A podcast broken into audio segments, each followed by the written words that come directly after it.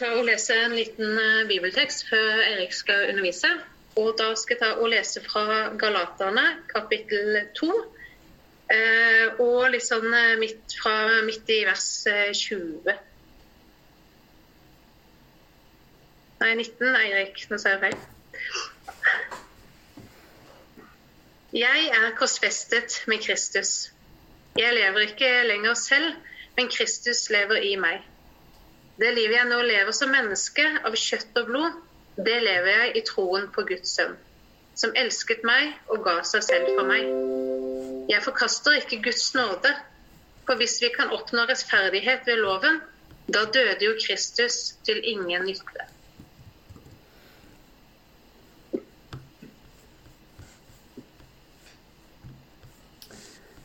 Yes, da håper jeg dere hører meg.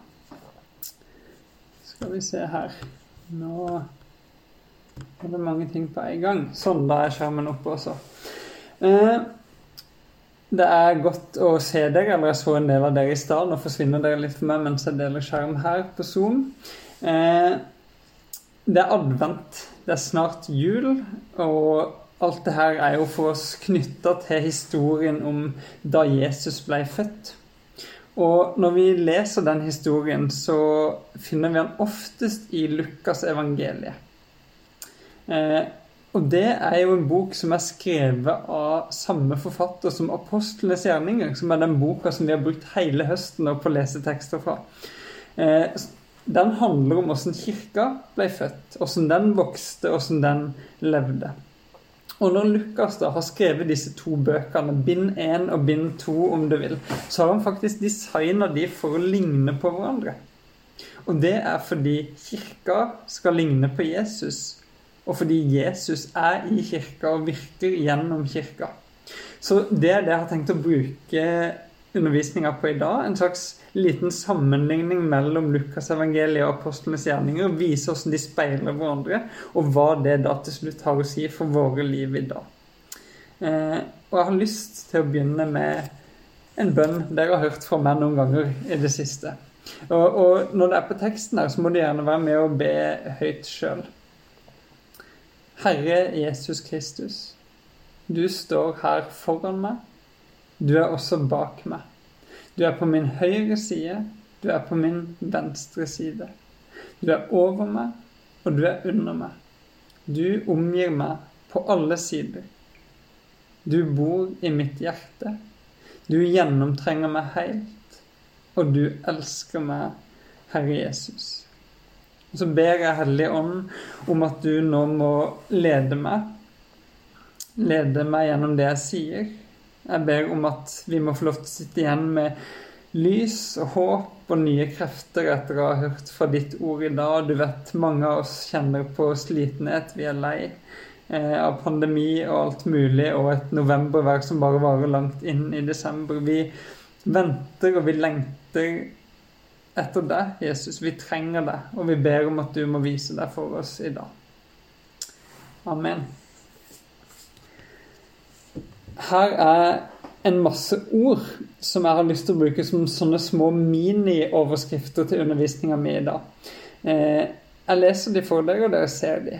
Vente, Ånden kommer, fødsel, til Herren, vekst, gode nyheter, helbredelse, forfølgelse, død, oppstandelse. Og så vente en gang til. Det her er ting som jeg har funnet igjen når jeg har sittet og og lest på Lukasevangeliet apostlenes gjerninger. Historien om Jesus og den første historien om kirka. Og Jeg skal rett og slett ta deg gjennom ett bibelvers fra hver, hver, bok om hver overskrift, og så blir det noen små refleksjoner innimellom. Det ser vanvittig mye ut her, men det kommer til å være om noe litt kortere enn en vanlig undervisning. Eh, eller ca. like lenge. Så vi kjører på, og så skal vi lande i åssen det her eh, betyr noe for vår hverdag i dag til slutt. Og det første ordet er altså 'vente'. Hvis du åpner Lukas evangeliet, så vil du møte et folk som venter. Og da er det en representant for dette folket som er en gammel mann, Simeon, som var rettskaffen og gudfryktig og venta på Israels trøst. Israel var under okkupasjon, det var harde tider, vonde tider, og de venta på en dag da de skulle bli satt fri. De venta på trøst. Og Simeon han fant denne trøsten da han en dag fikk holde et lite barn i hendene som heter Jesus. Og så blar vi til apostlenes gjerninger, og der møter vi også en gjeng som venter. Og det er Jesus som har sagt de skal vente. Det er disiplene. Jesus sier til de tidlige apostlenes gjerninger, før han forsvinner foran øynene sine, at dere skal ikke forlate Jerusalem, men vente på det som far har lova, det som dere har hørt av meg.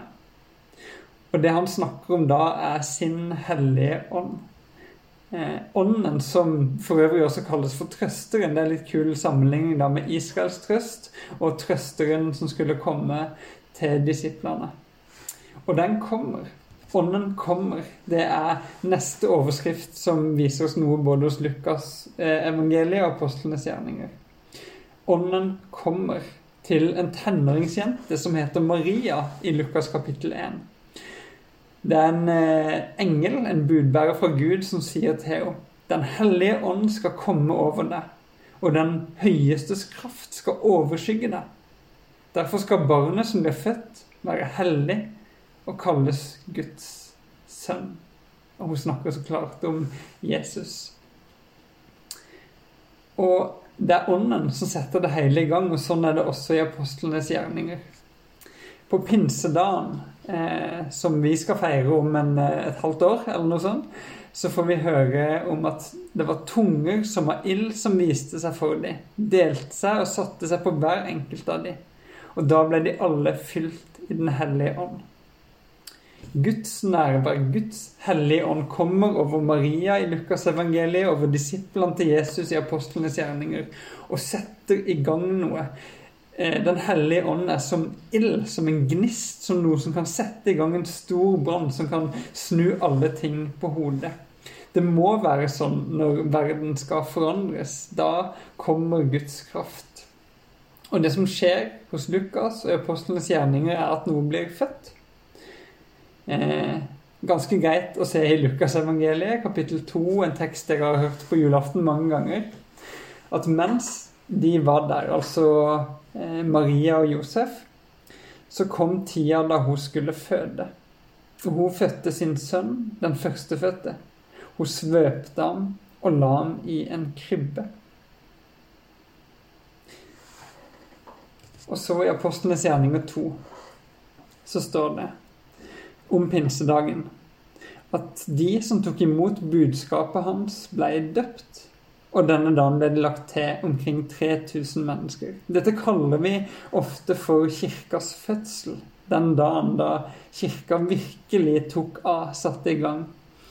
Eh, men det som er litt spennende her, er at ordet 'døpt', og egentlig det å komme til tro i det hele tatt, ofte i eh, Bibelen henger sammen med å bli født på ny. I dåpen og i troa så dør vi med Jesus. Vi blir korsfesta med Jesus, sånn som Elisabeth leste for oss i stad. Og så står vi opp igjen til et nytt liv med ham. Vi blir født på ny. Eh, og med det så går jeg videre til neste punkt. Jesus var det første barnet til Maria og Josef. Han var den førstefødte. Og tradisjonen i Israel på den tida var da at den førstefødte alltid skulle tilegnes, eller dedikeres til Herren, til Gud. Eh, og det gjorde man ved å dra til tempelet. Eh, og det kan vi høre om at Maria og Josef gjorde i Lukas kapittel 2. Det står at da renselsestida som Moseloven påla de var forbi, så tok de Jesus med opp til Jerusalem for å bære ham fram for Herren. Og det er en måte å si denne gutten vår, som vi fikk, han er din. Og Jesus var jo det på en helt spesiell måte. Han var Guds sønn. Eh, så det er noe ekstra symboltungt i at denne lille gutten som de bar fram for Herren, tilhørte Gud. Men så de som blir født på ny, vi som blir født på ny, vi kristne, vi disipler, Vi hører også til Herren. I Apostlenes gjerninger 9 så står det at Saulus, før han da var blitt en kristen, raste fram mot Herrens disipler og trua dem på livet. Lukas beskriver disiplene som Herrens disipler. De var Jesus sine disipler, de var Gud sine disipler. De hørte til Herren. Og den relasjonen den var så sterk, så tett, at når Saulus litt seinere får møte Jesus sjøl, så står det her Jesus, nei, eh, Saulus spør eh, når han blir slått i bakken av et lys, 'Hvem er du, Herre?' Og svaret som lyder da, er 'Jeg er Jesus, han som du forfølger'. Og det her viser at Jesus ikke bare sa 'Ja, ja, disse som følger meg, de er mine'. Nei, jeg identifiserer meg med dem. Så sterkt er det Jesus sier.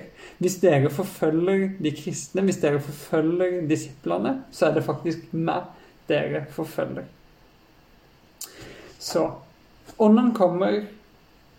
Jesus blir unnfanga og født, og han tilhører Gud. Ånden kommer. Kirka blir født, mennesker blir født på ny, og de tilhører Gud, og kirka tilhører Gud. Jesus var et barn, og når vi blir født på ny, så blir vi som barn. Og da kan vi vokse.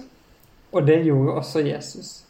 I Lukas 2 så står det at gutten vokste og ble sterk.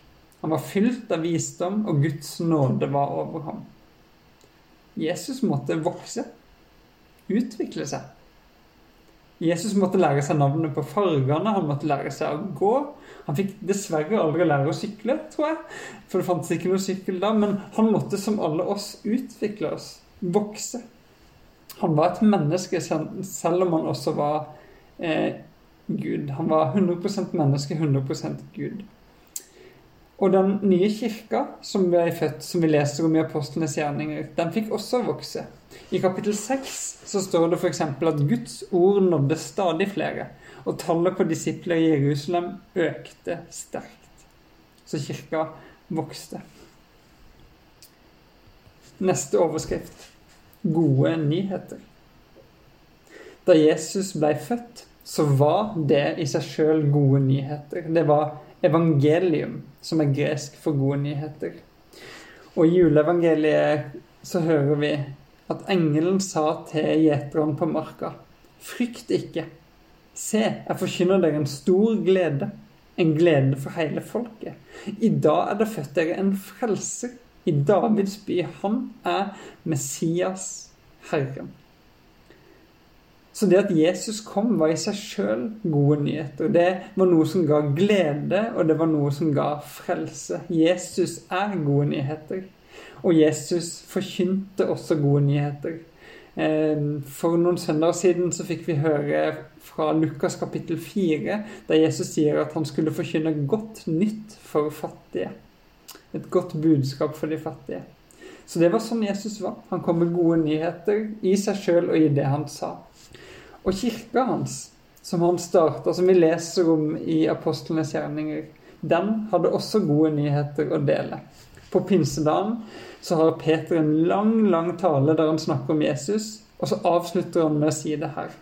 Vend om og la dere døpe Jesu Kristi navn, hver og en av dere, så dere kan få tilgivelse for synderne, og dere skal få Den hellige ånds gave. Dette her er gode nyheter. Dette her er nåde. Tilgivelse for synd.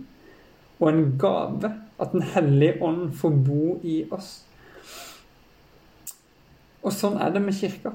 Den er bygd ikke på gode råd først og fremst, selv om vi har noen gode råd å gi. Men kirka har alltid vært bygd først og fremst på gode nyheter. Ikke om hva vi kan gjøre, men om hva Jesus har gjort for oss. Og så neste overskrift. Helbredelse. I Lukas 4 så får vi lese om hva Jesus gjorde da han gikk rundt omkring på jorda. Og en av de tingene var det her. Ved solnedgang kom alle til ham med sine syke, som hadde mange slags plager. Han la hendene på hver enkelt av de, og helbreda de. Og det gjorde også apostlene, disiplene. I Apostlenes gjerninger kapittel 4 så kan vi lese at disiplene ba til Gud og sa 'rekk ut din hånd', så det skjer helbredelser og tegn og under ved navnet til Jesus, din hellige tjener. Når Gud blir menneske, når Gud gjester jorda, så skjer det noe helt spesielt. Hans godhet strømmer over og kan gi helbredelse, tegn, under. Og i Apostlenes gjerninger kan vi lese om mange av de. Men selv om både Jesus og kirka kom med så mye godt, så møtte de også mye motstand. Neste overskrift er forfølgelse.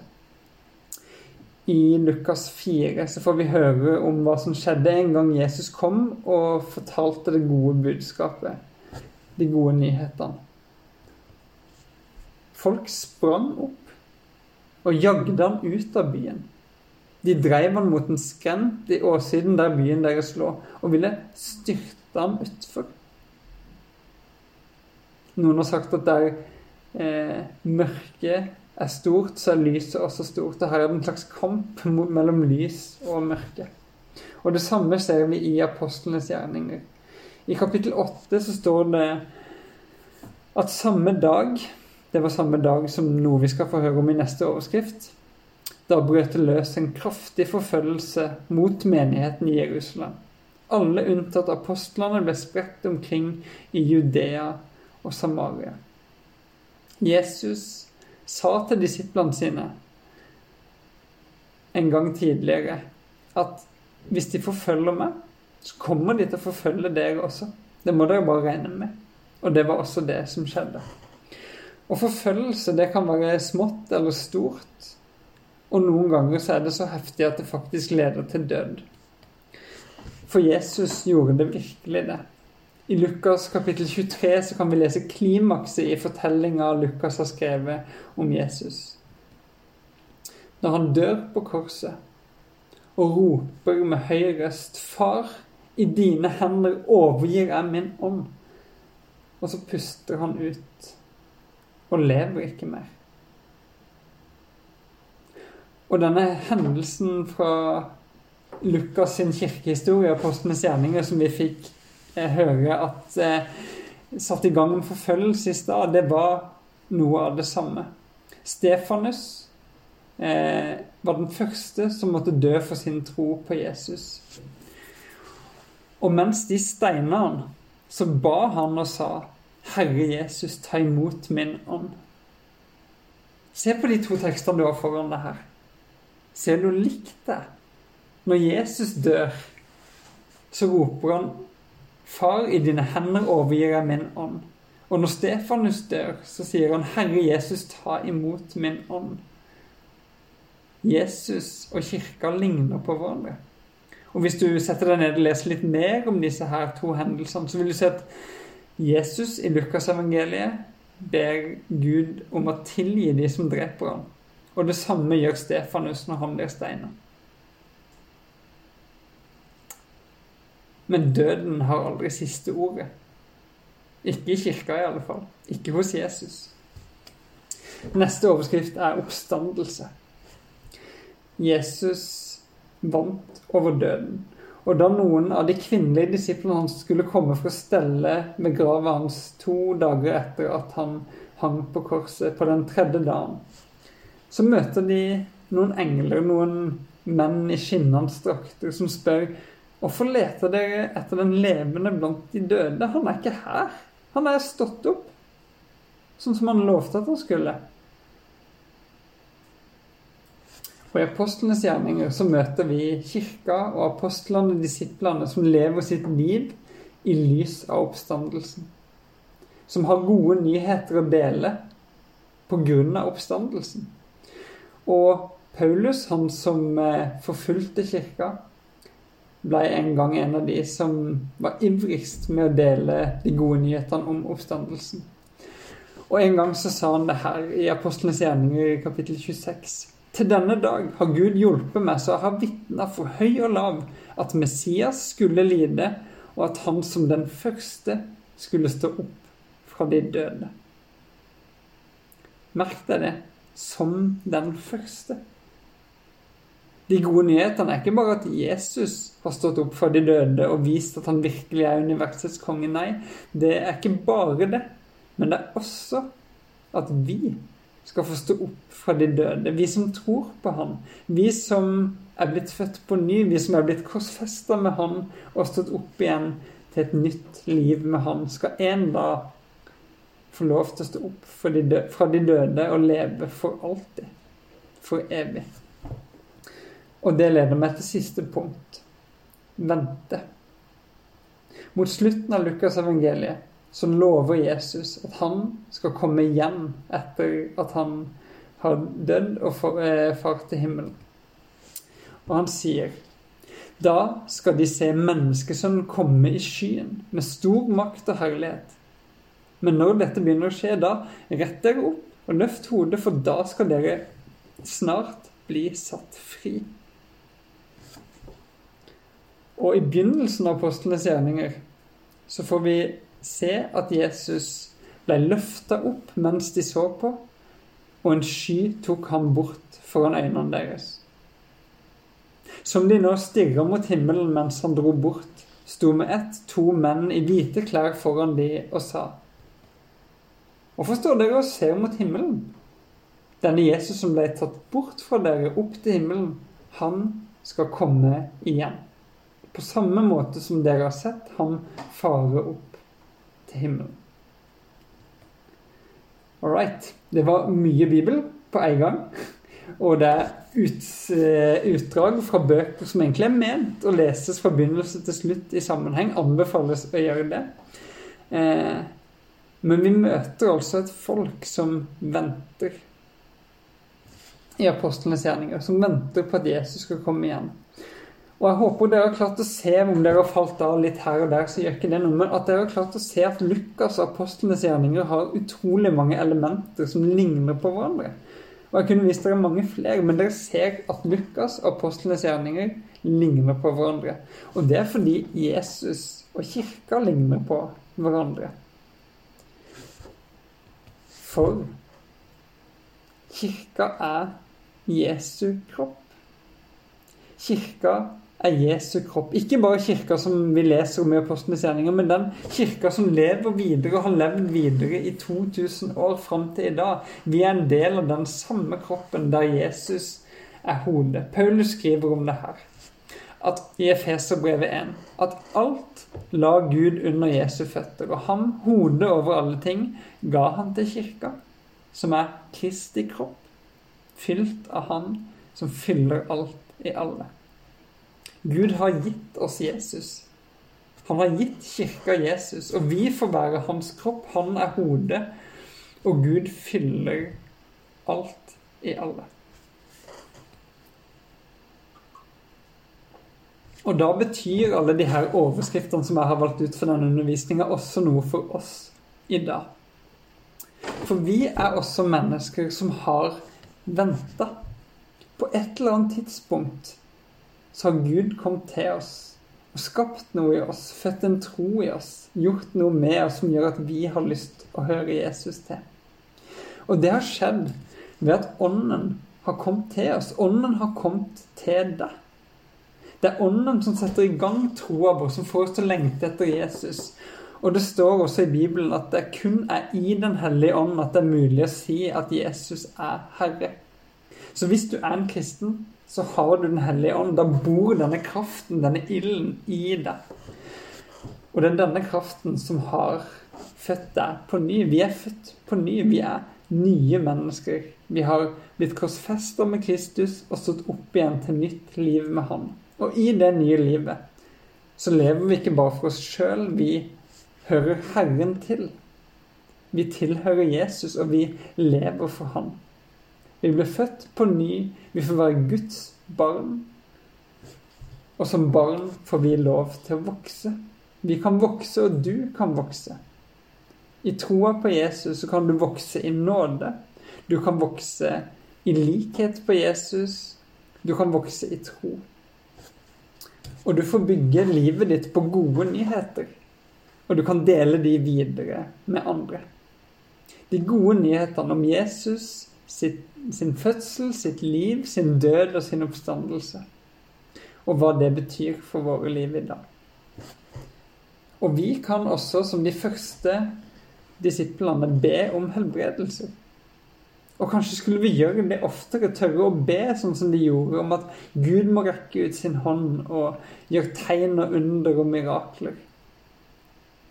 Og så tipper jeg at hvis jeg hadde snakka litt rundt med folk i Bjølsen misjonskirke, så er det nok flere av dere som kunne sagt at ja, jeg har opplevd helbredelse på en eller annen måte. Enten i meg sjøl eller i noen andre.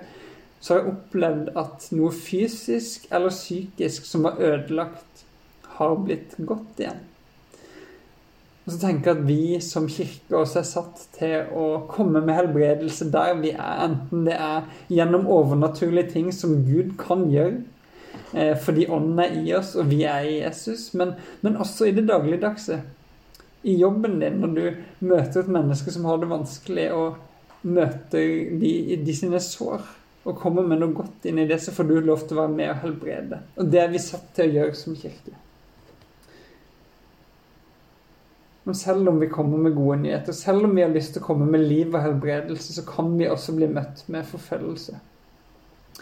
Kanskje har du merka det på jobben eller studiestedet eller i familien din, at noen ser ned på deg fordi du tror på Jesus. Eller at noen snakker stygt om deg, spydig mot deg. Det er selvfølgelig lite sammenligna med det vi vet folk lider andre steder i verden. For noen uker siden fikk vi besøk av Åpne dører og fikk høre om de som blir forfulgt, sånn at det er fare for de sitt eget liv. Mange dør for troa si på Jesus. Og vi kommer også til å dø. Kanskje ikke fordi vi tror, men vi kommer til å dø i troa på Jesus. Livet tar slutt ennå. Så da er vi kanskje ikke så forskjellige fra de som virkelig blir forfulgt. For vi òg dør med Jesus, og vi skal stå opp til evig liv igjen med Jesus.